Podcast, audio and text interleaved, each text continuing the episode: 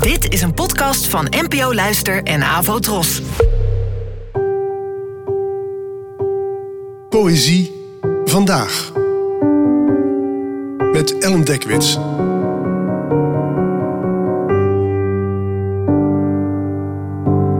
Hallo, fijn dat je luistert en een gelukkig nieuwjaar. Het gedicht van vandaag heet Een draagbaar paradijs. En het werd geschreven door de Britse dichter Roger Robinson, geboren in 1967. Het werd vertaald door mij.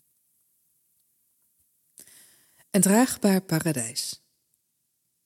En als ik over het paradijs spreek, dan spreek ik over mijn grootmoeder, die me zei dat ik het altijd bij me moest dragen, verborgen, zodat niemand het zou weten behalve ik.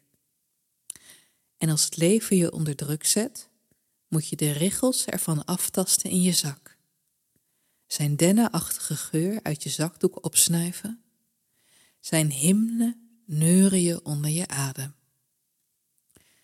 En als je zorgen niet weggaan en dagelijks worden, moet je naar een lege kamer gaan. Of dat nou een hotel, hostel of een hut is, een lamp vinden en je paradijs legen op een bureau. Je witte zanden, groene heuvels en verse vis. Zet het lamplicht erop als de verse hoop van de ochtend en blijf er naar staren tot je slaapt. Ja, misschien is deze vraag je wel voor het laatst gesteld op de middelbare school, maar ik stel hem dit keer maar weer. Wat is een gedicht?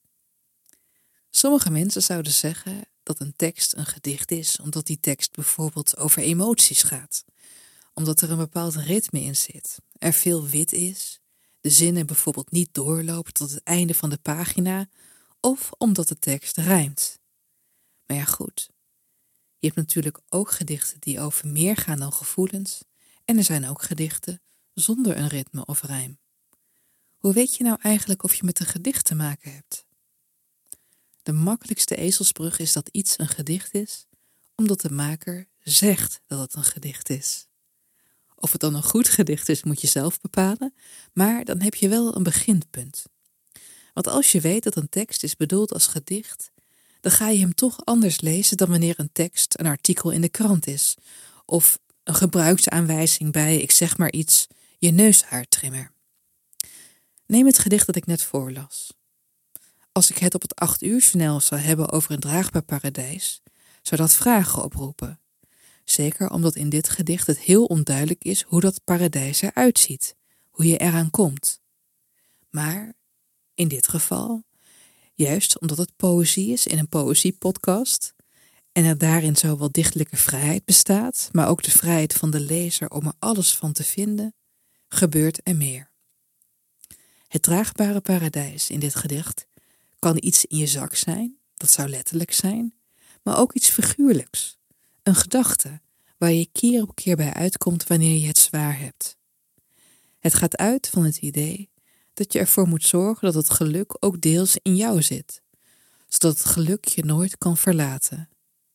En dat maakte dit gedicht voor mij echte poëzie. En ik gun dit jaar iedereen zijn eigen draagbare paradijs, zowel in gedachten als om in te leven. Dank je voor het luisteren en tot morgen. Abonneer je op deze podcast via de gratis app van NPO Luister. Daar vind je ook een handig overzicht van het complete podcastaanbod van de NPO. Afro Tros, de omroep voor ons.